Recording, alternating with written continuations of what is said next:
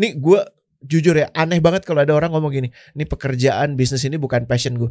Itu buat gue anehnya luar biasa dan mudah-mudahan lu juga paham setelah dengar penjelasan ini. Oke. Kita kasih solusi. Coach Rene Soehardono. Ini coach saya ini. Dari Masya Allah. Gimana coach sehat ya? Alhamdulillah waras.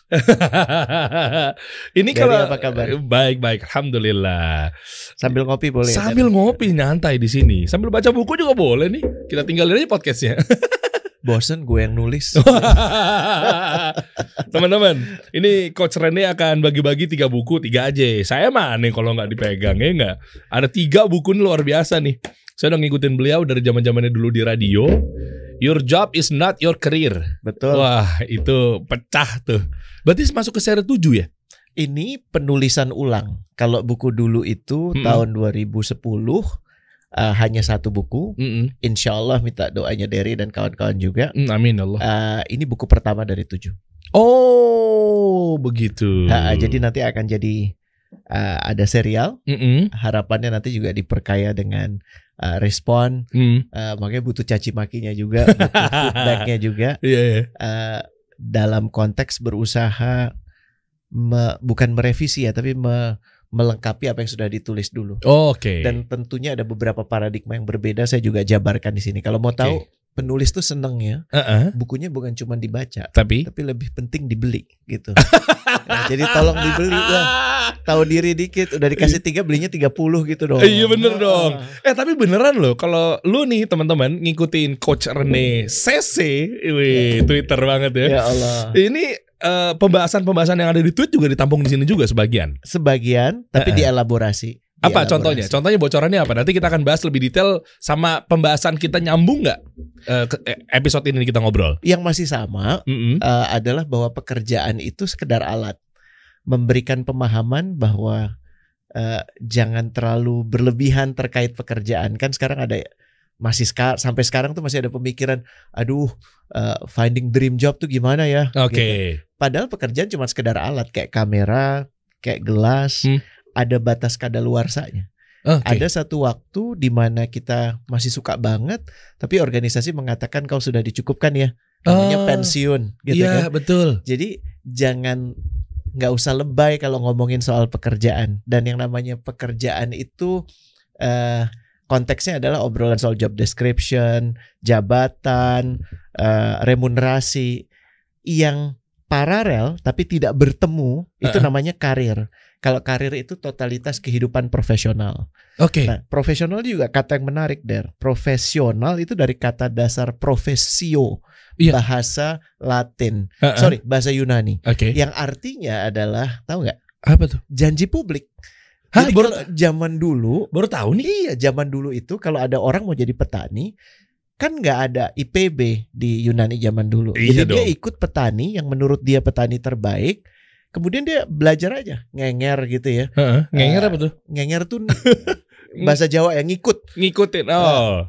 nyantri. Oke. Nyantri itu Oke. nempel. Iya, iya. Jadi lo ngikutin Pak Tani bangun jam berapa, Oke. eh, apa eh, rutinnya apa, Oke. kenapa dia melakukan itu. Oke. Setahun, dua tahun, tiga tahun, empat tahun, lima tahun, mungkin tujuh tahun. Heeh. Setelah itu Pak Taninya bilang, you ready, yuk ikut gua. Oke. Terus dibawa ke biasanya hari Ahad atau hari Sabtu eh, ke pasar, di Mm-mm. mana mereka kan nggak setiap hari ya pasarnya. Heeh. Terus si anak yang tadi belajar itu menyampaikan janjinya di depan orang-orang tercinta dia Mm-mm. Di depan calon marketnya dia bilang bahwa saya sudah menjalankan peran saya untuk belajar dan sekarang saya akan menjadi petani sepenuhnya dan Pak Tani akan memberikan endorsement. Itu profesio. Oh, dari Jadi- situ. Jadi profesional itu bukan urusan dibayar doang, tapi apakah lo memegang amanah akan janji lo? Oke. Menarik ya? Iya, iya menarik. Menarik tuh. ya. Nah, karir itu totalitas kehidupan profesional di mana yang dipentingkan di situ dan ini koreksi di buku kedua yang tidak Hmm. dibahas di buku pertama. Kalau buku pertama, buku awal dulu gue banyak membahas tentang passion. Hmm. Di sini gue akan mengatakan passion tuh penting. Tapi anak tangga pertama, jangan lupa ada anak tangga-anak tangga lain, men. Oke. Ya, dan proses yang paling penting dalam karir itu adalah mengenal diri sendiri. Ini celaka. Karena banyak orang mengklaim dia kenal dirinya, tapi sebenarnya yang dikenal itu hanya ambisinya, hanya nafsunya. Huh. Ya, Oke. gue pengen jadi apa? Gue pengen menjadikan usaha gue ini senilai triliunan dolar, Hah. atau apa pun itu. Pengen mau ambisi, tapi dia lupa aspirasi lo yang sejati apa sih? Aspirasi apa bedanya sama ambisi? Aspirasi itu gini, pertanyaan sesimpel bedanya ada lo, sama nggak ada lo untuk dunia ini apa sih? Bedanya ada lo, nggak ada lo untuk keluarga lo apa sih? Eh, eh. Bedanya ada lo sama nggak ada lo untuk negara ini apa sih? Oke. Jadi konteksnya itu bukan lagi transaksi, tapi Mm. value base. Hmm. Gitu. Oke. Kita juga awam kalau bicara kenal diri selain nafsu dan ambisi kita awam nggak paham tata kendali diri. Hmm. Makanya serampangan aja. Hmm. Yang penting gue dapat untung gede. Nah, ini yang jadi kendala tuh begitu, coach. Kita bahas satu persatu nih ya. Kita bahas mengenai gimana cara memulai bisnis, ya, mindsetnya apa, niatnya apa, terus bedanya apa sih sama yang namanya passion? Apakah memang passion kita itu sudah sesuai dengan apa yang kita jalankan di karir, di pekerjaan? Soalnya banyak juga stigma anak muda yang eh, iya bilangnya ah gue malas kerja di sini ternyata nggak sesuai passion gue. Iya. Iya, atau kebalikannya tuh ada juga tuh coach. Misalnya iya udah nih mau nggak mau sekarang jadi passion gue. Jadi passion yang kebentuk di dalam lingkungan keluarga. Apa sih awal mula langkah dasar ketika kita mau berkarir atau berbisnis itu yang dipikirkan tuh apa? Kenal diri. Oke. Paham diri itu nomor satu yang paling paham tentang lo adalah pencipta lo. Allah Jadi lo wa mesti punya hubungan yang baik dengan pencipta lo. Oke. Lah gimana kalau lo mau kenal diri lo tapi lo nggak punya hubungan yang baik dengan pencipta lo? Iya. Lo ngerasa lo ngerti menggunakan iPhone Heeh. atau alat apa pun yang lo gunakan, tapi lo nggak merasa perlu punya pemahaman tentang yang bikin siapa. Oke. Jadi pemahaman lo cuma sebatas lo mau makainya apa. Apa yang lo miliki Oke. itu sudah diberikan sebaik-baiknya oleh sang pencipta untuk lo bisa berkiprah menjalani hidup lo. Oh iya dong. Sudah diberikan. Oh. Tapi kadang-kadang kita kan yang suka songong merasa bahwa hidup gua harusnya, Eh. mestinya Ah, kena itu. penyakit harusitis tuh. Karena dari itu kasih solusi kayaknya sukses banget. Gue nanti juga akan bikin usaha kasih solusi lebih baik. Oke. Gitu, paham nggak? paham. Ya. paham. Jadi gue cuman mengingini sesuatu Heeh. semata karena terpicu oleh orang lain dan tidak menginternalisasinya.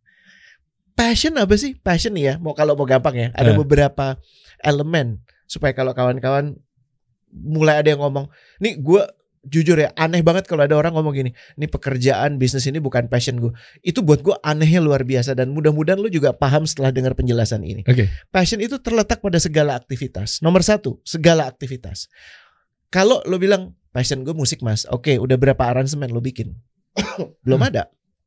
Oke, Eh, lo udah ikut tour atau apa musik itu Hmm. nggak ada. Jadi lo ngapain? Dengerin musik doang. Itu bukan aktivitas, Contoh nih tuh, contohnya tuh ya. bukan aktivitas. Oke. Lo penikmat, lo konsumen. Hmm. gitu. Nah, kalau aktivitas itu lo melakukannya pada saat gue bilang, oh gue gue tuh passionate banget sama podcast. Lo udah bikin berapa seri? Hmm. Kalau lu cuma ngedengerin doang, nggak ada gunanya. Bukan itu. keren, keren. Aktivitas ya satu ya. Iya. Dua, membuat diri, bukan orang lain. Oke. Karena kebanyakan lu kenapa suka ngelakuin ini? Karena setiap kali gue ngelakuin ini, calon mertua gue tuh happy banget. Jadi lo ngelakuin ini tuh karena emang lo suka melakukannya atau karena orang dipuji. Itu dua hal berbeda loh. oh iya dong. Karena sering kali kalau kita baru melakukan satu pertama, gue tanya lo deh, Dar. Pertama lo bikin podcast ini ngaco nggak? Ih, ngaco. Ngaco. Ngaco. karya pertama siapa pun Iya. yang kita lihat sebagai jago, karya pertamanya pasti katro. Pasti. Kenapa? Ya memang itu Iya. itu uji coba pertama. Jadi jangan menjad- mendasarkan hasil Heeh. untuk menetapkan passion gua. Lo baru nyoba kerja sekali, Heeh. ngerjain itu sekali, nggak ada yang suka terus lo bilang, "Ya habis passion gua ngasilin duit." Lo baru ngelakuin sekali? Iya bener-bener. Tapi kalau gue inget, ini coach, eh, zaman-zaman awal siaran iya. itu hancur banget. Hancur loh. banget. Parah. Dan kayak kita disconnect. Kita ngomong sendiri aja dalam pemikiran kita. Kita nggak berusaha untuk connect ke orang-orang yang ada di luar sana. Kan itu butuh proses. Aktivitas ya satu ya. Heeh. Membuat diri. Ketiga merasa berdaya. Gue garis bawahi ya. Oke. Merasa berdaya. Kenapa merasa berdaya? Karena dalam kondisi itu lo akan senantiasa dikuatkan, dibisakan, dimampukan, ditambahkan, diberanikan. Lo nggak butuh orang lain, dorongan orang lain untuk, ya aku mau tolong motivasi gue dong. Gue kayaknya lemes banget nggak butuh kenapa karena imbalan terbesar buat mereka yang melakukan pekerjaan sejalan Hah. dengan apa yang mereka minati mereka passionate adalah pekerjaan itu sendiri bukan duitnya Eh, gue yakin lo oke. duduk di sini adalah harapan untuk bisa memperoleh sesuatu Iya, tapi ujungnya karena lo menikmati ngobrol sangat nikmatin kok. kalau itunya nggak ada ya lo jangan di sini gitu betul nggak Betul. nah itu Betul. esensi passion yang sering dilupakan Oke.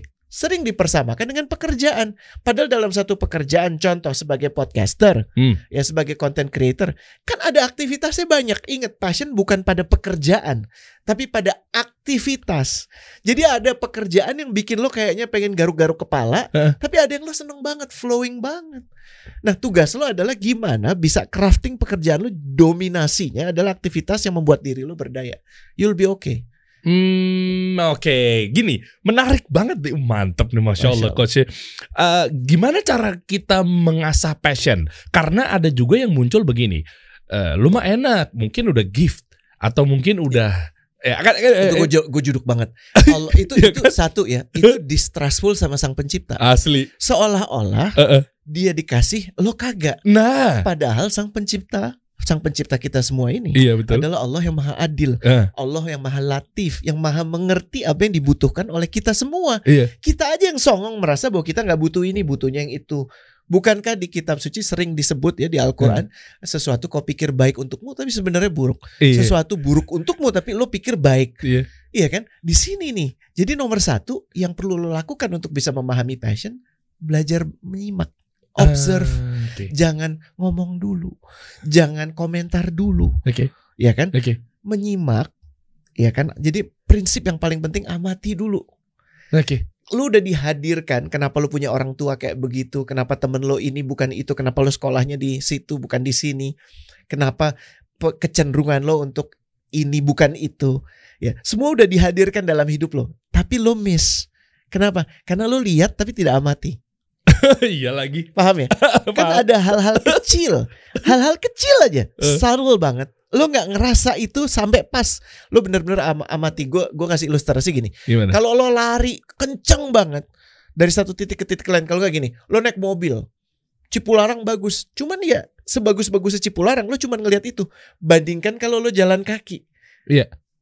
Daun aja kelihatan, bener nggak? Betul. Kalau ini cuman gunung kelihatan. Jadi Eh. lo cuman ngelihat gede-gede doang. Tapi lo miss the little things. Oh. Nah, Oke. amati itu butuh untuk lo belajar pause, Pos. pause, nafas, Oh. Oke. ya kan? Amati, amati juga diri lo, respon lo terhadap sesuatu. Gue tadi suka nggak ya? Jangan-jangan gue sukanya karena tadi dipuji. Jadi gue bukan suka melakukan itu, tapi gue suka dipuji. Ini kadang-kadang suka blur loh. Oh, ngerti gue. Oh pas gue posting ini yang nge-like banyak. Hmm. Ya udah gue posting kayak begini. Tunggu, lo posting itu buat di likes atau karena lo meyakini apa yang lo post? Iya, iya, iya. Paham nggak? Paham. I- Ini kan mirip. Maksudnya gini, Tipis, kalau lo cuman set nggak kerasa. Lo cuman ya udah yang gede-gede aja. Lo cuman ngeliat gunungnya aja. Lo cuman metrik yang lo lihat adalah duitnya. Karena duit paling distracting. Oh, jelas. Iya kan? Ten, ketenaran, popularitas itu paling distracting. Eh. Bisa merusak semua rencana. Kenapa? Karena lo berasa itu yang paling penting. No, itu yang lo penting-pentingkan. Iya. Tapi nggak penting-penting amat. Paham ya? Gue dapat lagi. Iya kan? Iya. Nah. Amati. Ya. Terus nomor dua, Eh. alami. Oke. You have to experience it. Oke, lo suka. Hmm. Kan lo nggak bisa ngomong gini. Gue tuh aspirasi jadi pengelana dunia. Oke, lo udah ke mana aja? Gue baru buka YouTube aja tempat-tempat yang asik. Iya, Nggak bisa. Enggak Lo dong. harus ke sana dong. Caranya gimana, coach? Lo harus nyeburin diri lo. Lo kan nggak bisa memahami keindahan Iya. laut Eh, eh. kalau lo nggak nyebur. Ah, Tapi oke. kalau lo udah nyebur, bisa lah lo bisa nggak bilang, e, gue ngerti banget nih laut. Enggak, lo cuma satu momen itu lo paham. Tapi paling tidak itu sudah memberikan lo experience, pengalaman. Hmm, oke. Amati, alami. Oke. Yang terakhir asah. Lo Oke. tinggal ulang-ulang lagi, lakukan lagi. Mana yang lebih baik lagi. Dan that's life. Hmm. Hidup tuh nggak asik kalau tahu-tahu lo berhasil, tahu-tahu lo terkenal. Karena kita ngelihat orang terkenal, kita lupa ada prosesnya juga loh orang itu. Udah jelas. Dan kita nggak boleh hanya mengingini penggalan akhir kehidupan mereka saja. Hmm. Lupa bahwa ada proses menuju ke sana. Itu passion. Perjalanan dari aktivitas Mm-mm. menjadi kepiawaian. Itu passion. Oke. Tapi gimana lu bisa jadi piawai? Kan urutannya gini ya, Der ya. Ya coba. Pertama, lo coba-coba dengar orang siaran radio kayak asik ya kalau gue kerja di sini ya. Oke. Karena gue juga seneng ngobrol. Ya. Selalu mulai ngelamar, Oke. selalu dilatih, Eh, eh. selalu dikasih kesempatan. Katrok banget sekali. Sepekan tuh kayak lo pengen quit. Kenapa? Kayak lo nggak bisa nyambung sama pendengar. Hmm. Lo nggak tahu lo mesti ngomong apa. Banyak banget tuh. Apa istilahnya? Eh, dead air. Dead air Ya kan? tahu mati, lagi. mati kan? Dead Nggak- air, benar. Nah, gue nggak tahu mesti ngomong apa. Pikiran gue blank aja saat itu. Iya, dead air. Ya kan? Terus lu coba lagi. Akhirnya lu bisa, lu coba lagi. Akhirnya lu bisa. Dan akhirnya dari tadinya aktivitas itu jadi kebiasaan. Terus dari kebiasaan semua mulai bilang ini, Der, asik yang tadi Der. Asik banget Der. Oke. Jadi kebiasaan. Paham ya? Jadi kebiasaan, jadi kebiasaan. Dari kebiasaan ya. Habis itu apa coba? Apa tuh? Kepiawaian. Oh. Jadi lo nggak harus ngomong gue nih jago ngomong. Gue ini kalau lo mau ngomong soal broadcasting, soal podcasting, gue nggak perlu. Everybody already knows. Oh Derry. Oh terkait dengan syari'i, gitu. Terkait Hmm. dengan Islam. Oh dia. Kenapa? Karena lo udah membiarkan karya lo jadi duta lo. Wah keren. Ini yang suka dilupakan. Iya iya. Bukan lo yang mesti ngomong sehebat apa lo. Karya lo Der yang nanti akan menyampaikan lo sehebat apa. Karya lo teman-teman. Hmm. Fokusnya jadi bukan pada apa-apa selain karya. Ini ada hubungannya sama personal branding. Gue nggak suka personal branding. Kenapa? Karena personal branding menurut gue itu upaya lo Heeh. untuk membuat orang mempunyai pemahaman tertentu tentang lo. Tapi gini, dari apakah selalu sebaik ini? Enggak. Oke. Dari itu kan kombinasi dari banyak image. Hmm. Kenapa lo mau kedepankan satu image saja? Hmm. Sehingga pada saat ngelihat image yang lain orang kecewa. Contoh. Menurut gue, contoh, lo friendly, Hah. tapi pada satu waktu karena lo lagi lapar, lo marah di restoran, Hah. dan orang yang lihat lo akan lihat, Oh, oh, iya. friendly-nya bohong. Berubah. Gini ya, Tapi dibutuhkan juga coach ketika boleh. Iya, gue nggak gini, gue nggak mengatakan nggak boleh, tapi gue sendiri tidak meyakini itu. Karena Hmm. menurut gue yang lebih penting, lebih baik jadi holistik diri lo aja sendiri. Hmm. Publik akan punya persepsi tertentu apa pun tentang lo, karena lo nggak mungkin bisa swaying the public perception. Oh ya. biarkan karya lo kalau lo pakai bahasa personal branding Oke. menjadi your own tools of personal branding. Hmm, gitu. Bener ya, cara mahaminnya tuh mindsetnya begitu. Duta lo, duta lo itu karya lo aja. Jangan eh, ini ini ini tolong dimaknai dengan eh, dengan dengan segala hormat ya. Bukan bukan cuma cara berpakaian lo, bukan cuma sapaan lo, bukan hanya itu. Hmm. Tapi karya lo. Karena Karya. itu jauh lebih otentik. Yang lain-lain itu sifatnya boleh aja. Tapi bukan esensi. Hmm. Yang esensi itu karyanya. Kalau kasusnya Derry, apakah konsistensi podcast lo ini Mm. akan memberikan manfaat untuk orang atau enggak? Nah, Gitu. itu yang dimaksud gue coach. Jadi kayak personal branding tapi didasari sama karya. Ada juga yang personal branding tapi mungkin karyanya juga nggak jalan. ada. Nah, itu yang jadi yang jadi nilai buruk sebuah personal branding kan itu. Makanya banyak contoh gini coach. Banyak penonton gue atau audiens gue coach, dia ini bangun personal branding atau bangun kontennya itu lewat portofolio-portofolio aja. Hmm. Tapi sementara dia nggak ngasih tahu ke publik dengan cara dia berkontennya, cara dia ngedesainnya, cara dia ke apa dan lain sebagainya. Nah itu kan yang jadi problem tuh. Staying true to yourself itu yang paling mahal. Nah, Paling susah. oke. Gimana lo bisa jujur atas apa yang lo tahu dan lo nggak tahu? Hmm.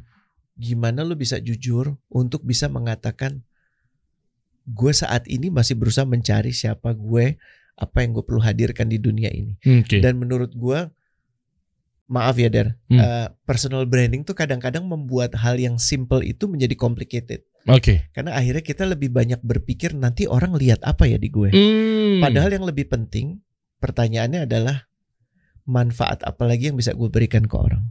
Wih, itu udah Itu. juaranya tuh.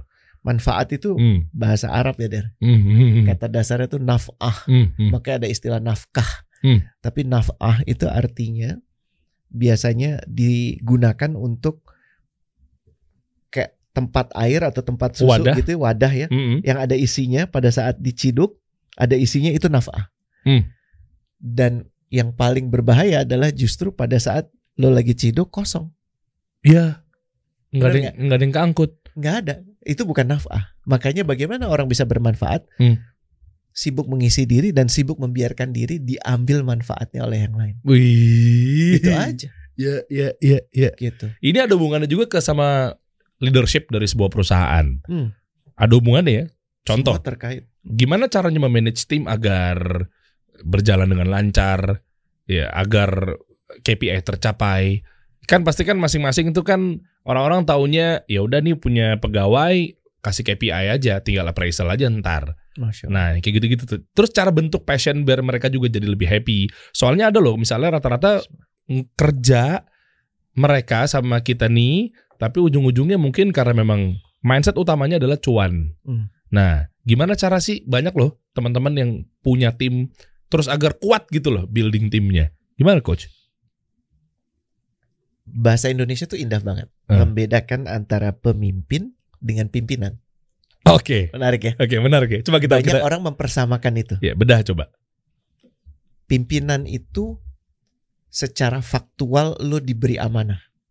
Iya. Jadi dari ada yang punya duit, lo jadi direktur ya di perusahaan gue ya Der. Oke. Tolong jalanin amanah ini. Oke. Pada saat lo menduduki kursi direksi itu, lo menjadi pimpinan. Oke. Saat lo memilih menomor satukan kepentingan yang lain dibandingkan diri lo, itu pemimpin. Oh. Paham ya? Jadi pimpinan itu amanah, Mm-mm. pemimpin itu pilihan. Oke. Karena kebanyakan orang melihat posisi ini justru gue yang harus diperhatikan. Karena gue yang nomor satu. Oh. Oh. ya. oh. Sementara the idea of leadership itu adalah someone, simple gini. Someone who can make others Hmm. feel bigger and contribute better. Oke. Jadi kalau lo ada di hadapan orang itu, Hmm. lo bukan merasa kecil. Lo bukan merasa gue nggak bisa apa-apa.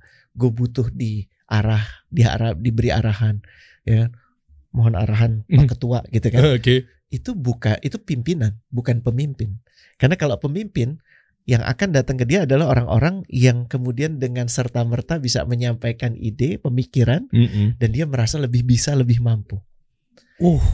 Orang-orang ini kalau kita pakai karya klasiknya Pak Jim Collins Good to Great, Mm-mm. dia meneliti 1400 lebih perusahaan Mm-mm. di Fortune 500 companies, perusahaan-perusahaan paling kinclong di Amerika Serikat Mm-mm. dalam kurun waktu 40 tahun lebih. Lo ngebayang nggak? Uh. Jadi dia ngelihat kinerjanya bukan hanya satu waktu tapi selama 40 tahun. Dari 1400 perusahaan itu didapati hanya 11 perusahaan yang masuk kategori awesome companies Kok bisa? karena mereka mempunyai kinerja yang bukan cuma baik sekali, dua kali, tiga kali, tapi terus menerus Oh. dan ditunjukkan bahwa ke 11 perusahaan ini tanpa kecuali ya Dar Mhm. dipimpin oleh pemimpin yang istimewa. Disebut oleh bahasa Pak Jim itu sebagai level 5 leaders. Level, Level 5 leaders itu bahasanya adalah mereka yang melihatnya itu ke jendela.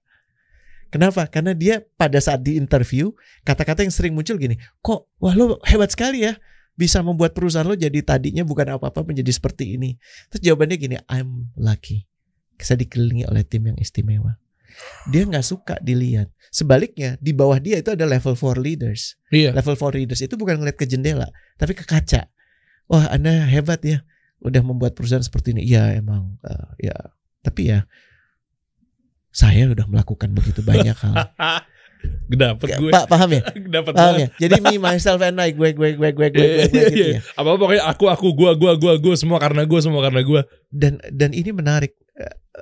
Kultur itu Mm-mm. terbentuk dari values Hmm. ya dikalikan leadership dikalikan behavior. Oke, bentar. Ini, ini aduh kalau nggak ada ada pulpen nggak? Ada pulpen nggak? Ini menarik loh buat teman-teman loh. Iya. Val- eh, kultur. budaya. Jadi Iya. banyak yang bilang gini, oh kalau kawan-kawan di BUMN kan lagi mengusung values akhlak namanya.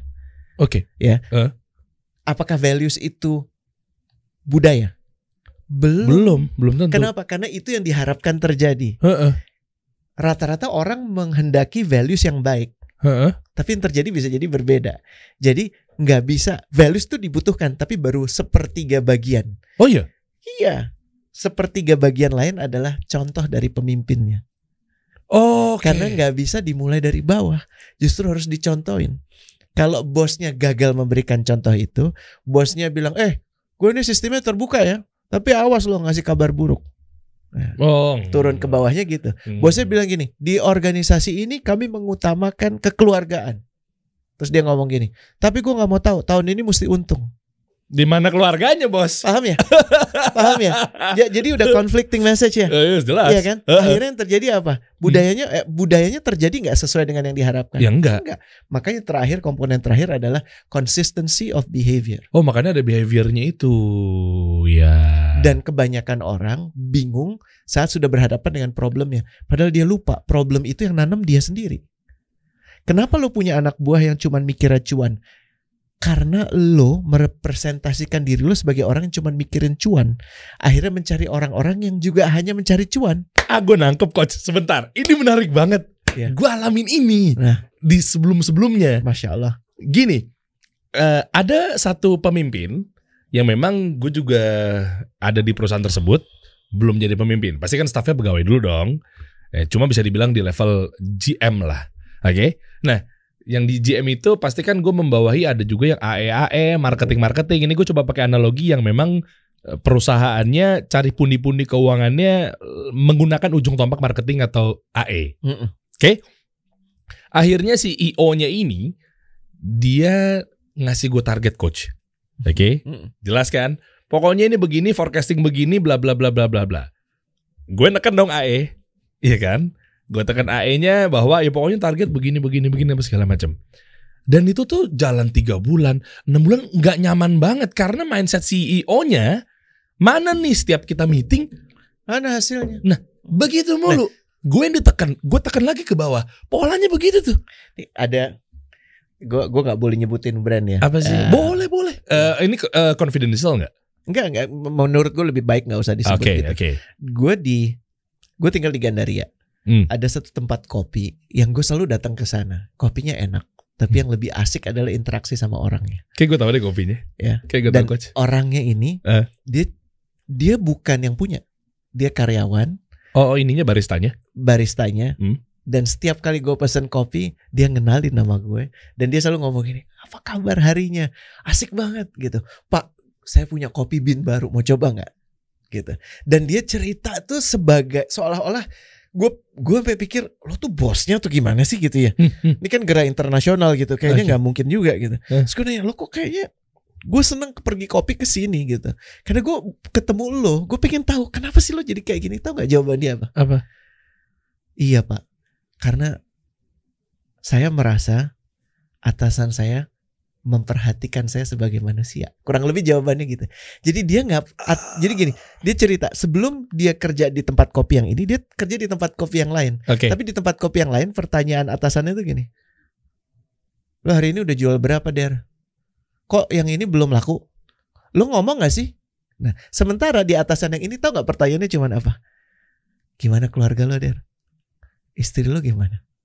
Kemarin gue denger anak lo sakit, udah sembuh. Gue bawa obat nih der buat anak lo, ada madu. Buat anak gue waktu dia lagi nggak enak, dia ini. Tidak ngomongin pekerjaan, Oke. tapi ngomongin dia sebagai pribadi. Jadi urusan dia di situ tenang. Dia merasa dia didukung untuk berkiprah bukan cuman urusan pekerjaan. Karena kan lu nggak bisa milah orang bagi dua nih bagian. Gue cuman mau peduli bagian pekerjaan ya, bagian pribadinya. Mau di rumah lo kebanjiran, Hmm. eh, orang tua lo sakit keras atau segala macam, terserah tuh urusan lo. Kan banyak cara pikir seperti itu, ya, Iya banyak. ya kan? Heeh. akhirnya kemudian makanya dengan dia diperlakukan sebagai manusia dia menjadi manusia seutuhnya dan dia memperlakukan semua orang yang datang bukan sebagai konsumen sebagai keluarga. Oh, ya. Nah, sekarang pertanyaannya gini, Heeh. kita lebih sering nanya apa sih? Target Iya itu. dan kita berpikir itu segalanya di dunia ini. Heeh. Betul nggak? Iya. Dan kita bingung pada saat anak buah kita nggak perform. Dipikir KPI-nya ada yang salah. Bukan. Cara pandang lo yang ngaco. Oke. Kenapa lu cuma mikir duit dan bukan duit buat organisasi, duit buat lo. Ngaku aja. Dan lebih parahnya lagi, ada si pemimpinnya ini atau bosnya ini cuma ngejar target tapi nggak dikasih tahu reasonnya kayak gimana untuk mencapai itu. Exactly. Iya Dan kan? keluarga kan sepatutnya menceritakan. Maksudnya kalau lo mau mengedepankan kekeluargaan di organisasi ini atau kalau kalaupun enggak gitu ya. Oke. Kultur yang baik itu transparansi didasarkan pada kenapa sih kita mau mencapai itu? Why is it good for me? Heeh. But why is it good for you too? Iya. Gitu kan? Heeh. Karena kalau cuma make money, you can make money in the next door shop. Betul gak? Iya. Tapi kenapa lo mau di sini? Oke. Pola itu. Jadi sebenarnya membentuk kultur itu mulai dari pemimpinnya nomor satu, Hmm. nomor dua, mulai dari rekrutmen. Hmm. Gimana lo merekrut orang? Kenapa lo merekrut orang? Boleh dibocorin nggak cara-caranya untuk merekrut atau memilih orang yang tepat sehingga dia itu bisa mampu mengerjakan tugas-tugasnya tanpa harus ada mungkin tekanan, pressure atau dan lain-lainnya. Simon Sinek tuh bilang di dalam bukunya The Infinite Game, dia ngobrol dengan SEAL Team 6 itu pasukan para komando yang paling uh, jago banget deh, Oke. ya, yang goks banget gitu. Oke. Ya, yang performance-nya tuh gila banget. Waktu ditanya, gimana sih lo milih tim? Hmm. Jawabannya dia gini, ada dua aksis, ya, ada dua sumbu. Hmm. Sumbu pertama itu kapasitas, kemampuan, skills. Hmm. Sumbu satu lagi trustworthiness. Oke. Kalau lo nggak bisa dapat yang paling terpercaya dan skillful, yang lo cari kira-kira buat SEAL team ini ya, kalau Hmm. lo ngebayang ya, Hmm. orang yang skillnya tinggi tapi kepercayaannya rendah atau skillnya rendah kepercayaannya tinggi. Ah, nih menarik. Ulang dikit, ulang dikit. Seru, seru, seru, seru. Sumbui dua ya. Kita cari. Berarti yang pertama adalah Skills, skill. ya, kemampuan dia, Iya. kemampuan tempurnya. Oke. Yang satu lagi keper trustworthiness. Lo layak dipercaya nggak? Oke. Jadi kalau gue ngomong sama lu, lu nggak ngomong ke orang lain, Hmm. ya kan? Oke. Kalau gue menceritakan problem gue ke lu, lu membantu gue. Iya. gitu. Itu trustworthiness. Lo Oke. ngerti ya? Pasti gini. Kalau lu ketemu orang, ada yang lu tahu nih orang ngeselin gitu, nih orang, Hah? maaf ya bahasanya ya, Iya ya. ngehe gitu. Iya, iya, oke. Kenapa? Karena dia pinjam duit dia lupa, gitu. nggak dipercaya kan? Iya, iya. Iya kan? Tapi for some reason dia masih ada dalam kelompok itu. Ini orang yang tidak dipercaya. Iya. Nah, si SEAL team ini pada saat dia harus memilih orang, dia pilih yang mana kira-kira? Orang terpercaya tapi skillnya tidak terlalu bagus, Heeh. orang atau orang yang skillnya bagus tapi tidak terlalu terpercaya. Kayaknya yang pertama deh. Yang mana tuh? Yang skill eh yang skillnya nggak bagus-bagus sama tapi dia terpercaya. Exactly. Tuh kan. Artinya apa? Dalam merekrut tim, lo nggak tahu apakah lo layak ter- mempercaya orang atau tidak. Tapi nomor satu yang bisa lo lakukan adalah membuat diri lo terpercaya buat orang itu. Saat lo mengatakan Oke. Anda akan memperoleh gaji setiap tanggal 15, setiap tanggal 15 atau kalau perlu tanggal 14 gaji sudah diberikan. Hmm. Setiap kali lo bilang saya ada problem, lo dengan jujur mengungkapkan problem itu. Karena trust itu konsekuensi dari trust yang lo berikan, Hmm. bukan trust yang lo terima.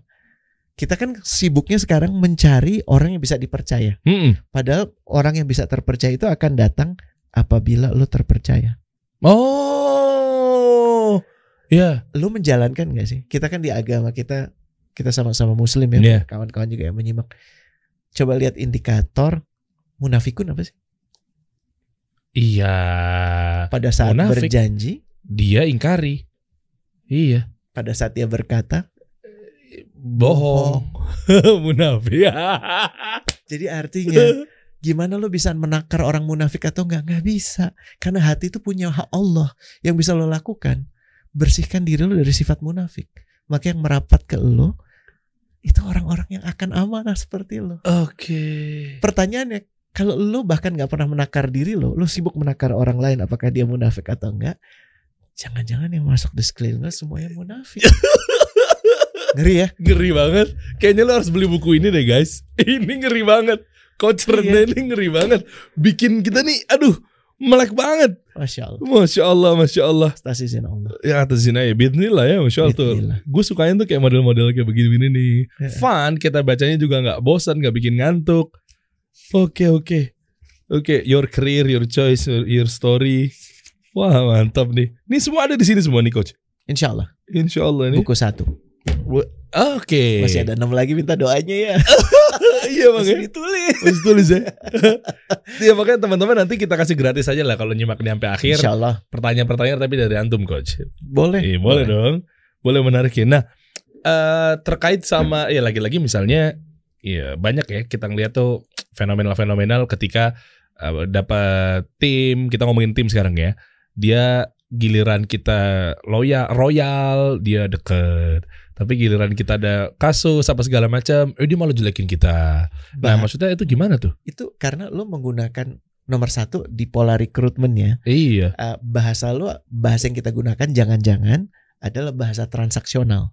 Hmm, gimana tuh Bahasa transaksional gitu ada uang abang sayang, nggak ada uang abang melayang.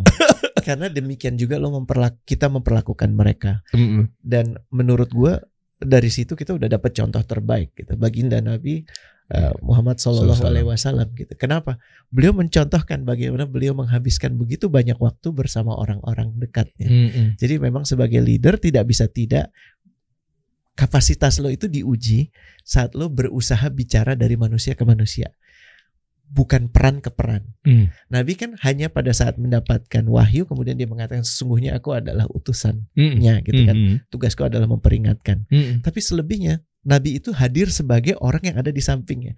Di dalam salah satu hadis bahkan disebutkan ada ada utusan dari negara eh, luar Mm-mm. Madinah datang ke sana. Pada saat dia datang ke satu forum ya ke untuk berhadapan dengan eh, Nabi Hmm. sebagai pimpinan politik ya pemimpin politik kala itu dia tidak bisa membedakan mana yang Nabi Muhammad dan mana yang lain-lain. Mm. Sehingga bahkan dia menyampaikan suratnya itu ke Abu Bakar. salah iya Salah. Artinya apa? Tugas lo bukan tampil beda, men.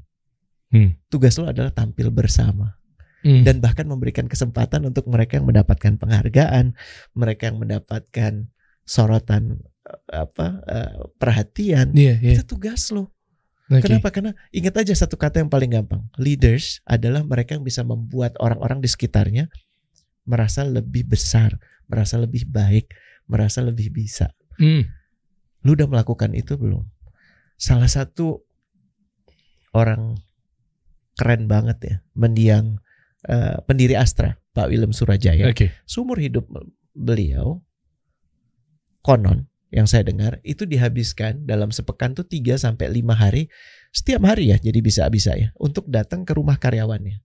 Mulai dari yang direksi sampai office boy. yang bener coach Yes, datang ke rumahnya tau nggak dia bawa hadiah dari Astra dia cuma ngomong gini kalau ini ke ibunya kalau masih anak muda atau ke istrinya atau ke suaminya cuma bilang ibu saya William saya pendiri Astra saya hendak mengucapkan terima kasih karena mendukung anak ibu bekerja di sini mendukung suami ibu bekerja di sini.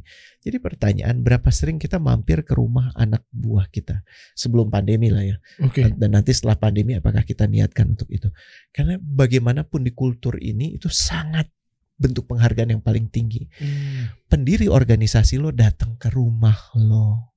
Sebentar dimput anda mau saya datang ke rumah anda dengan bawa apa? Mobil motor? Anda bisa bayangkan ya. Dia dia mau. Ente Da- jangan mancing-mancing coach. Nanti besok-besok dia kok nih Pak Dery nggak datang? Ditungguin dan depan rumah. contoh banyak. Contoh banyak. Contoh lain lagi ya. Iya. Eh, eh, kawan-kawan alami misalnya. Ya ya si tahu Dima kan? oh saya whatsappan semalam Nah. sama Dima. Dia punya inisiatif ya Hmm. birun walidai. Jadi Hmm. berapa sering sih anak itu traktir ibunya? Hmm. traktir pacar ke Jogja katanya waktu itu ya. Alhamdulillah gitu. Traktir ibu cuman ke kebayoran gitu kan? Akhirnya diberikan alokasi untuk orang tua mereka saja terutama ibu. Oke. Kebayang nggak? Luar jadi organisasi Baru ngasih bonus Heeh. Bukan untuk satu dua tiga untuk semua karyawan tidak dipakai apa pun kecuali untuk ibu atau orang tua mereka. Lo kebayang nggak powernya di sini? Hmm, iya dong. Si ibu jarang-jarang kan dapat perhatian seperti itu Nah. dari anak. Terus doa. Uh. doanya tulus. Karena tempat anaknya mencari rezeki sedemikian barokah. Mm-mm. satu organisasi yang tadinya cuma minta doa ibunya si pendirinya sekarang 300 ibu mendoakan Doain. nah ini ruang kreatif yang menurut gue pandai-pandainya kita mengungkap itu gitu ya Hmm. Eh, tapi kalau ingin membentuk tim yang baik ya diawali dari diri sendiri gitu. Kitanya gimana nih? Oke, Masya Allah. Oke. Nice, nice. Minum dulu, minum dulu, Coach. Wah, Minum dulu. Berat nih. nih ya Allah. Berat deh. Bismillah. Hmm.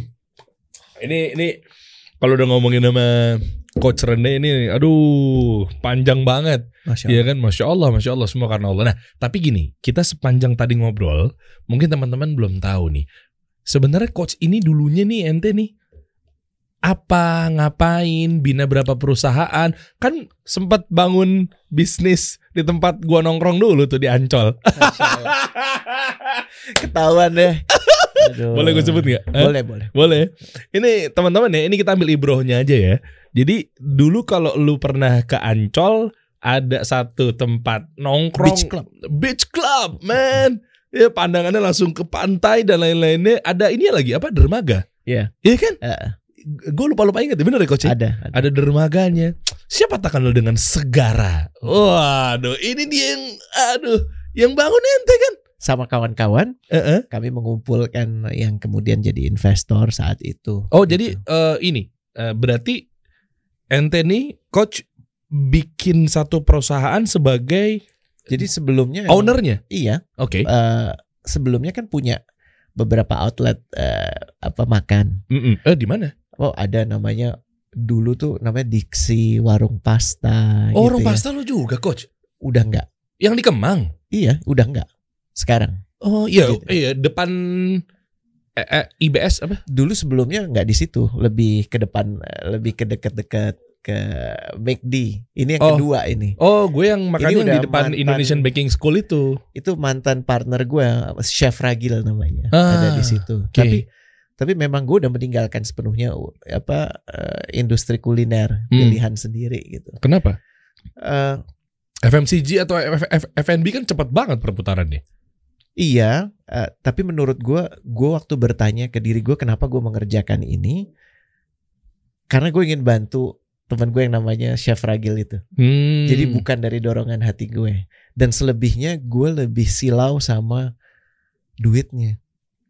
Akhirnya gue kehilangan eh, esensi kenapa gue ngejalanin itu sebenarnya. Jadi gue nggak suka-suka amat meng- membuka membuka bisnis restoran sehingga lebih bijak untuk kemudian kami sepakat untuk tidak sepakat itu di dijalankan oleh partner gue. Jadi dia membeli share gue. Oh, Gitu. oke. Tapi sekarang lu ke mana kabarnya warung pasta? Gue udah lama nggak nggak Iya kan? belum udah lama nggak berinteraksi sih. Hilang Insya juga. Allah ya? baik-baik juga ya. Baik-baik. Terus Insya apa Allah. lagi yang ini dijalanin? Gue besarnya awalnya tuh di bank, Iya Oke, kan? dulu terus nih. masuk ke consulting, Oke. terus buka usaha sendiri, dan belakangan gue merasakan callingnya itu adalah untuk bantu orang menemukan jalan, kurang Hmm. lebih gitulah. Mhm. Ya, makanya kemudian istilahnya coach, gue lebih nyaman dengan istilah Hmm, itu. hmm. Eh, saat ini gue lebih banyak jadi pelenong bahasanya. ya. Mhm. Jadi kalau diajak sama organisasi untuk ngomong sama tim mereka, Hmm. atau dalam konteks yang lebih kecil eh, membantu eh, C level, Oh. membantu C level para apa direksi Mhm. untuk dalam pengambil proses pengambilan keputusannya. It's a lonely position. Oke. Ya. Sebentar, si level yang dimaksud adalah hanya memang khusus operation atau sampai kan sekarang banyak banget sih FO. Iya. Semua yang chief Semua? chief chief itu eh, disebutnya C level. Iya, iya maksudnya semua yang dikasih tahu, diajarin, dibantuin apa memang Advisory bahasanya. ya Jadi advisor eh, advisor ke siapa? Si level yang mana nih? Apa semua? Kan banyak tuh. Sekarang sampai ada CTO juga nih IT. betul. Yang justru menurut gue peran yang harusnya dilazimkan, tapi sekarang masih belum. Jadi bisa dijalankan oleh mana pun. Bahasanya Chief Vision Officer. Oh, oke. Karena kalau soal operational, organisasi itu sangat tahu apa yang harus dilakukan. Iya. Tapi kalau soal what are we going to do, kita sebenarnya mau ke mana ya? Dan Itu. kenapa kita milih jalan ini? Ingat ya, orang tersesat itu bukan karena nggak tahu mau ke mana, tapi Tapi karena nggak tahu dia siapa, dia itu di mana. Ini ini miskonsepsi. Kebanyakan organisasi itu minim pemahaman jangka panjang karena short sighted. Metriknya itu terlalu terlalu apa ya bahasanya ya? Terlalu pendek Hmm. jangka pandangnya. Jadi tiga bulan ini, terus tiga bulan lagi, setahun. oh iya, sekarang begitu trennya. Iya. Dan- Harusnya Soalnya Ini, gini ini coach, sejarah ya. forecasting kan nggak bisa terlalu jauh-jauh. Sepakat. I'm not talking about forecasting. Oh oke. Ya, I'm talking about the reason, raison d'être. Kenapa organisasi itu ada sih?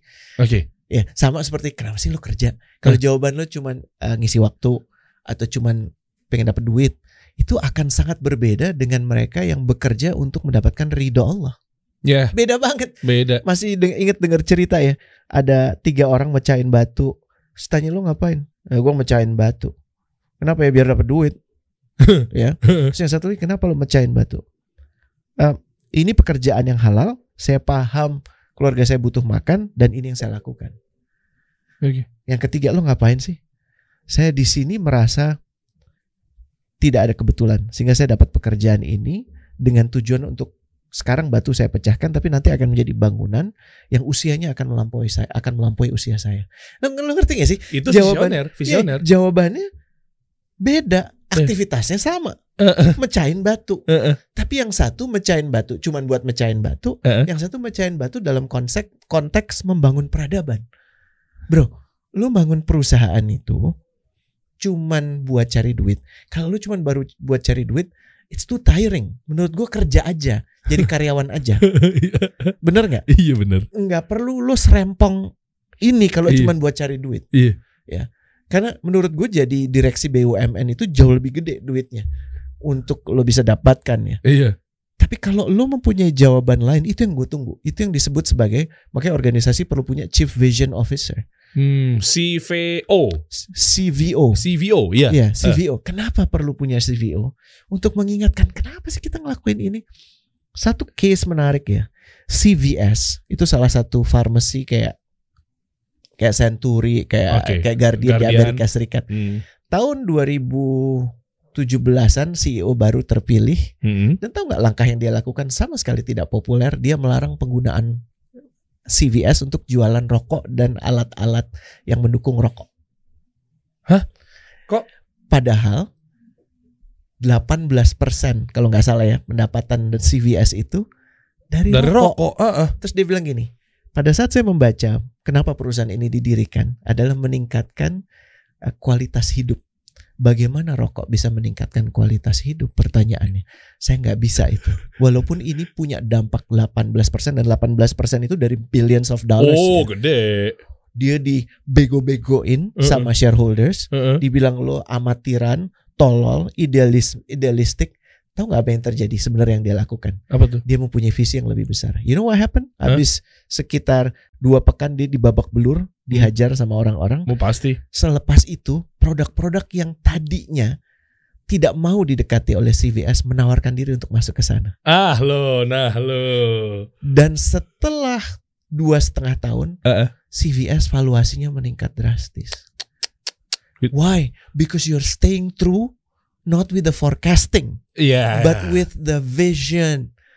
Why are you making this? Kasih solusi visinya apa sih? Iya, iya, iya. iya. Iya kan? Eh. Nah, ini yang orang suka miskonsepsi bahwa sekarang yang di yang dimasukkan sebagai tajuk di media itu kan valuasi unicorn. Bukan itu.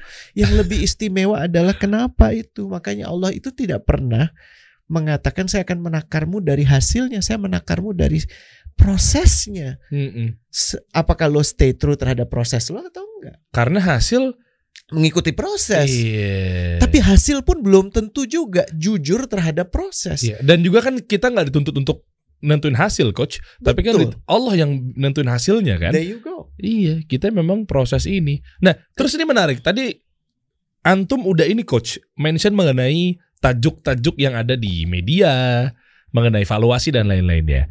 Nah, bukannya itu juga penting coach? Dalam artian ini coba eh, mindsetnya dari sudut segi startup lah. Ada yang bilang bahwa gimana targetnya untuk mencapai IPO sehingga venture capital masuk, pendanaan dan lain-lainnya. Kan keukuran dari valuasi. Itu sensasional. Oke. Satu katanya tuh udah kejawab sih arahnya ke mana tapi nggak apa-apa silakan gue udah kebayang jawabannya keren-keren banget nih orang Tapi bisa manfaat, bisa enggak. Gue nggak menyalahkan valuasi gede. Hmm. Gue menyalahkan kalau hanya untuk valuasi. oh bedanya ya? ya Google itu Eh, eh. kenapa bisa jadi sebesar itu? Karena fokus mereka memudahkan orang mengkatalog dia mengkatalog segala informasi yang ada dan memudahkan agar orang bisa mengakses informasi semudah mungkin. Valuasinya meningkat karena mereka stay true Iya. terhadap visi itu. Ya. Oke. Bayangkan kalau visinya itu gue cuman sekedar pengen jadi unicorn. Dia nggak akan jadi seperti Google sekarang. Langsung exit, dapat bergelimangan harta. Exactly. Iya, iya, iya. Dan ini gue gue nggak menyalahkan sepenuhnya di kawan-kawan startup sama sekali nggak. Hmm. Ya. Gue cuma ingin mengatakan bahwa kalau mau lihat sahibul hikayatnya, Hmm. kan orang mesti memahami kenapa pemikiran seperti ini keluar. Setuju. Ada satu manusia yang dengan sangat menyesal, gue Hmm. harus persalahkan. Namanya Milton Friedman. Ah. Dia itu bapak kapitalisme modern. Iya, tahu. tahun 1970-an dia mengeluarkan satu doktrin yang kurang lebih bunyinya organisasi itu, bisnis itu peruntukannya adalah untuk melayani shareholder sehingga peningkatan value shareholder itu menjadi utama. Sehingga itu hanya bisa dicapai dengan penambahan peningkatan profit selama tidak melanggar hukum. Itu kapitalis. Sorry, bukan. Itu Iya dong. versi Milton Friedman kapitalis. Versi kapitalis sejati yang Kan pertama begitu juga untuk cuma untuk denger dulu. oh nih. Itu Milton Friedman yang kita kenal yang kemudian tuh kapitalisme itu Milton Friedman versinya dia. Iya, iya. Sejatinya konsep kapitalisme itu diangkat oleh siapa coba? Adam Smith. Adam Smith bilangnya berbeda. Oh, dia Adam oh. Smith bilangnya apa coba? gimana? Kapital itu adalah satu kebutuhan Oke. agar produktivitas bisa terjadi Oke. agar apa pun yang diproduksi bisa dikonsumsi. Paham ya? Oh, Di tipis, tipis. di sini- Misleading nih. Di sini kapital itu esensi kapitalisme itu sebenarnya sebagai alat agar konsumen mendapatkan apa yang dibutuhkan. Ngelihat fokusnya ya. Oke, Kalau yang satu pada Oke. shareholder Shareholder doang nih. yang pemilik kapital. Iya, jelas. Kalau yang satu fokusnya kepada konsumen. Oh. Oh, tipis banget sih Dan memang. dan, dan Iya, Adam iya. Smith itu mengusung konsep ini setelah dia mempelajari traktat-traktat sebelumnya. Dan kita juga di agama kita kan kita menghormati kepemilikan pribadi Iya. dan kita dinyatakan gak boleh lo semua itu ditujukan untuk mendapatkan keuntungan sebesar besarnya gak diajarin tapi kebermanfaatan kebermanfaatan apa konsumsi Iya, iya. lo bikin barang yang dikonsumsi nggak Iya, lo iya. bikin barang yang dibutuhkan nggak Eh, Oke. paham ya Iya, paham. jadi paham. pada saat barangnya sudah tidak dibutuhkan lo you should Iya, stop udah. tugas lo bukan creating the needs lo sekarang kan yang fast fashion itu setiap dua minggu ganti Eh, Iya. terus habis itu barangnya kalau nggak dibakar dibuang Iya. terus banyak orang yang nggak punya baju itu kan sakit ini kenapa terjadi karena dipengaruhi oleh doktrinnya Milton Friedman Oke, dapat. Padahal kalau mau kembali ke esensi kapitalismenya, gue bukan jadi pembela kapitalisme. Hmm. Tapi sebenarnya kalau lo baca, lo ngerti kapital itu cuma sekedar alat. Tugas mereka yang punya excess of income memberikan kapital itu untuk membantu lebih banyak orang mendapatkan konsumsi yang mereka Hmm, butuhkan. Hmm, Oke. Oke. Dengan mempunyai perusahaan yang lebih baik, terkoordinir, produk-produk yang dihasilkan lebih efisien. Oke. Paham nggak? Paham, paham. Gini, gini. Ini, ini seru nih guys. Ini seru nih guys. Emang coach gue nih. gini. eh, tadi lu coach menyinggung ini. Mengenai sekarang banyak percepatan-percepatan brand-brand fashion yang memang seminggu trennya ini dia hilang-hilang ya banyak ya kita sebut saja mungkin dari sisi positifnya ya H&M, Zara, Topman gue punya baju Topman yang mungkin Aztec tribal zaman waktu itu sekarang udah nggak keluar lagi tuh bahkan tuh seminggu dua minggu nah gue coba sandingkan dengan pola anak sekarang. Oke? Yaitu apa? Eh, Ada istilah marketing sa- sama selling. Nah, gue nggak tahu nih nyampe nggak Hmm. coach Kente coach. Ya, Hmm. istilah sekarang yang memang dia memiliki strategi urgensi sehingga Orang harus beli. orang harus beli dan ada FOMO, ada eh, scarcity, social proof, sehingga orang-orang tuh harus beli untuk mendapatkan itu. Kalau dia nggak ganti nih coach, desain dan lain-lainnya, mana letak urgensinya? Nah Hmm. itulah kaidah selling yang sekarang nih digital marketing. Hmm. Apa yang mungkin kita kan beda generasi, pengen tahu nih. Justru malah kita belajar sama yang generasi sudah, sudah duluan gitu kan? Gimana tuh coach? Lo pasti benci jawaban gue. Soalnya gue anak di kubu sekarang, ini seru banget nih. Gue Wah, wahai manusia, sampaikan kepadamu Hmm. bahwa syaitan itu adalah musuhmu yang nyata, Iya. ya kan? Heeh. Sekarang gue nanya, lo butuh nggak? Iya kan? Um, Lo butuhnya itu untuk berpakaian mm-mm. atau dilihat keren Oke. atau dilihat sukses, Oke. ya kan? FOMO itu tidak bicara soal kebutuhan primer. Ah, FOMO iya. itu bicara soal kebutuhan supaya lo dilihat keren. Oh jelas. Artinya lo menyibukkan diri lo untuk mendapatkan ridho Hmm. makhluk lain, Iya. bukan ridho sang pencipta. Oke. Sehingga gue bisa berkesimpulan Mm-mm. bahwa itu adalah was-wasnya syaitan. Oke. Dan kalau lo mau berteman silahkan gitu. Tapi menurut gue jangan. gini, Heeh. Gue mengikuti baginda Nabi Muhammad Salam. Shallallahu Alaihi Wasallam pada saat beliau meninggal. Dari yang gue lihat catatannya, Mm-mm. berapa item menurut lo Nabi Muhammad punya? Hmm. Ah, Oke. Ya ya ya ya ya ya. 37 37 ya. Satu, dua, Coba tiga, 3 4 empat, celana lima, 5. enam. Lu udah ada enam item di badan lo. Oke. Gue di tas gue ada 10 item. Nabi lo yang bersama gue yang gue ikutin Hmm. hanya punya 37 item. Apa aja? Baju, terompah, panah. Cuma 37 bro. Oke. Sekarang gue tanya, iseng-iseng ya? Kita lihat di kamar kita, di rumah kita ada berapa item. Sekarang gue tambah lagi ya bebannya ya. Dari masing-masing item situ yang menurut lo membuat lo jadi lebih dekat sama Allah mana? Eh, eh. Yang membuat lo jadi lebih jauh sama Allah mana? Hmm. Yang netral mana? Hmm. Dah ya, Oke. gila ya. Oke. Mulai ngeselin kan? Pertanyaan ketiga Mm-mm. dari yang lo punya item situ Mm-mm. mana yang sudah lo tidak pakai selama setahun terakhir, Waduh, ini ngeselin banget jawabannya. ya kan? Hey, FOMOmers. Dan pada saat lo nggak pakai itu, lo kebayang nggak bahwa itu sebenarnya punya orang lain sebenarnya haknya, oh, Iya, haknya orang lain iya, untuk bener. menggunakan itu. Bener. Jadi pada saat lo ngeliat ada orang bajunya compang camping, Mm-mm. pikirkan ada baju lo yang setahun kagak pernah lo pakai, Ah, dan lo masih ngomong FOMO sama gue. Kesel ya? Gimana gimana? Gue mancingnya. Tapi kalau lu ya? banyak FOMO-FOMO yang nyerang lu gimana, Kesel ya? coach? Oh silahkan aja. SJW, kar- SJW. Karena menurut gue gini, Heeh. lo pernah dengar pernah lihat ini gak sih? Dan Apa? em, kartun Mm-mm. ada ibu, Ya. bapak, Mm. sama keledai. Kartun terus- apa? Kartun apa? Ada kartun, ada ibu, bapak, ada keledai. Scooby Doo. Bukan Eh. keledai. Eh, Kalau itu keledai. kan- Itu, kan Scooby anjing. Doo mah anjing. Sorry Eh, sorry. Terus dia bawa keledai. Terus ada orang komentar, bego banget sih tuh orang pasangan bawa keledai nggak dipakai. Terus di box berikutnya, karena ada orang komentar itu dua-duanya naik dong si keledainya. Terus ada lagi yang komentar, tega banget sih keledai kayak gitu dinaikin dua orang. Ya Allah serba salah. Akhirnya si ibu Terus? turun, Eh. yang naik bapak. Salah Ada lagi. bilang, Kok yang naik yang laki? Aduh. Gimana hak perempuan kalau kayak gitu? Oke. Akhirnya yang naik si ibu, Tukeran. ya kan? Terus komentar lagi, kan bapaknya lebih tua, kok tega banget sih yang muda yang biarin yang. Sekarang gini, kalau lo mau cari ridho manusia, eh, apa Saidina Ali tuh bilang komentar manusia tuh sepanjang lidahnya aja.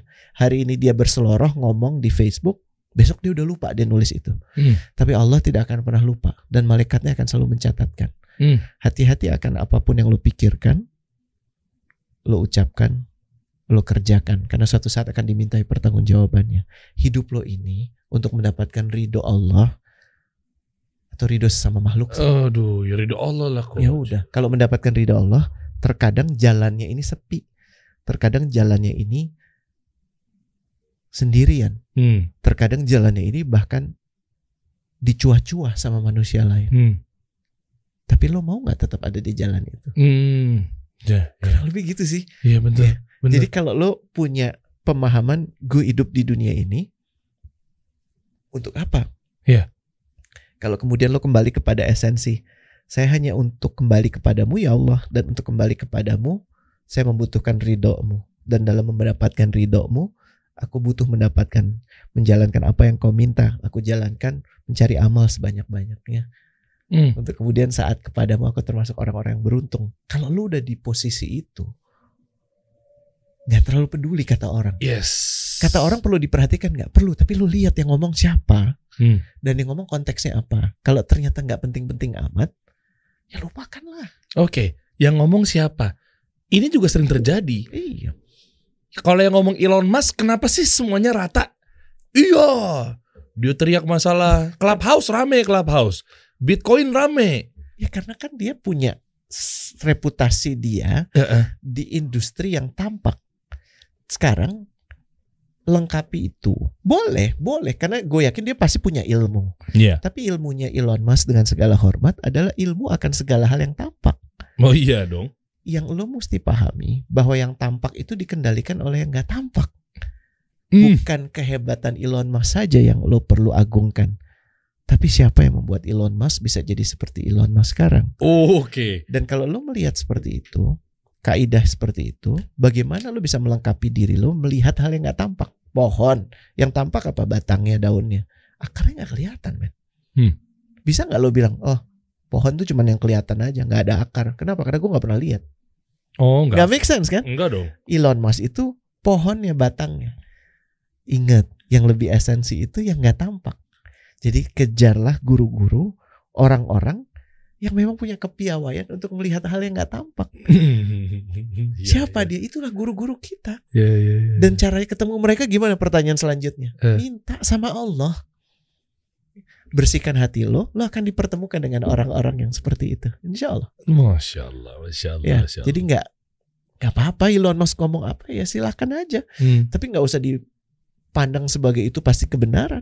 Karena Iya. pemilik kebenaran itu bukan Elon Musk. Oh jelas. Ya. Iya. Tapi kalau lo butuh pembenaran boleh ya kan menggunakan apa yang dikatakan oleh Elon Musk. Mm-mm. Jadi tanya lagi ke diri lo, yang lo cari itu kebenaran apa pembenaran atau jangan-jangan cuman ketenaran. Oh. Asik ya, punchline-nya masuk. ya. Mantap, mantap. Kita bagi-bagi buku aja gimana? nih? Ah, silahkan bro, silahkan, masya Eh, Allah. Udah pancelan mah, udah Masya kelar Allah. itu. Masya Allah, Masya Allah. Syukran jazakallah khair. Wah iya, masya Iya. Allah, akhi. Jadi em, kita mulai teman-teman ya. Ini obrolannya bisa dibilang kalau dituang dalam sebuah podcast lebih banget dari sejam dua jam kalau diterusin. Tapi kabar baiknya teman-teman bisa shortcut kok jalan pintas dengan semuanya ada di sini. Aduh, makasih banget, akhi. Eh, Gimana coach? Ya? Iya apa, dong. Penulis tuh senang sekali bukunya, insya Allah dibeli ya. Bukan senang dibacanya ya. oh, tapi kan gimana cara bacanya kan harus dibeli. Iya betul. Nah, cuma kali ini berarti gratis dulu nih ya. Iya. Nah, ini bentar sebelum kita bagi-bagi kuisnya gimana cara dapetin bukunya memang? Ini kan shortcut banget Dek. ini.